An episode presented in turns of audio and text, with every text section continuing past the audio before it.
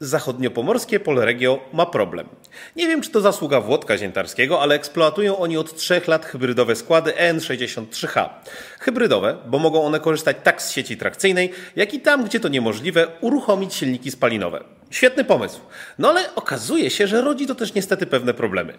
Po trzech latach od wprowadzenia do służby dwie dostarczone w pierwszej kolejności jednostki uległy awariom. Silniki spalinowe za nic na świecie nie chcą się uruchomić, a na ekranie maszynisty wyświetlają się błędy. Usterka rzekomo występuje w obwodzie falownika, a gwarancja już minęła. Ciekawe, czy ma to jakiś związek z faktem, że ich producentem jest Newak. No ale nie wyciągajmy od razu pochopnych wniosków. Przetarg na naprawę składów wygrał niezależny serwis i udało się je sprawnie usunąć, więc może jednak przesadą jest stwierdzenie, że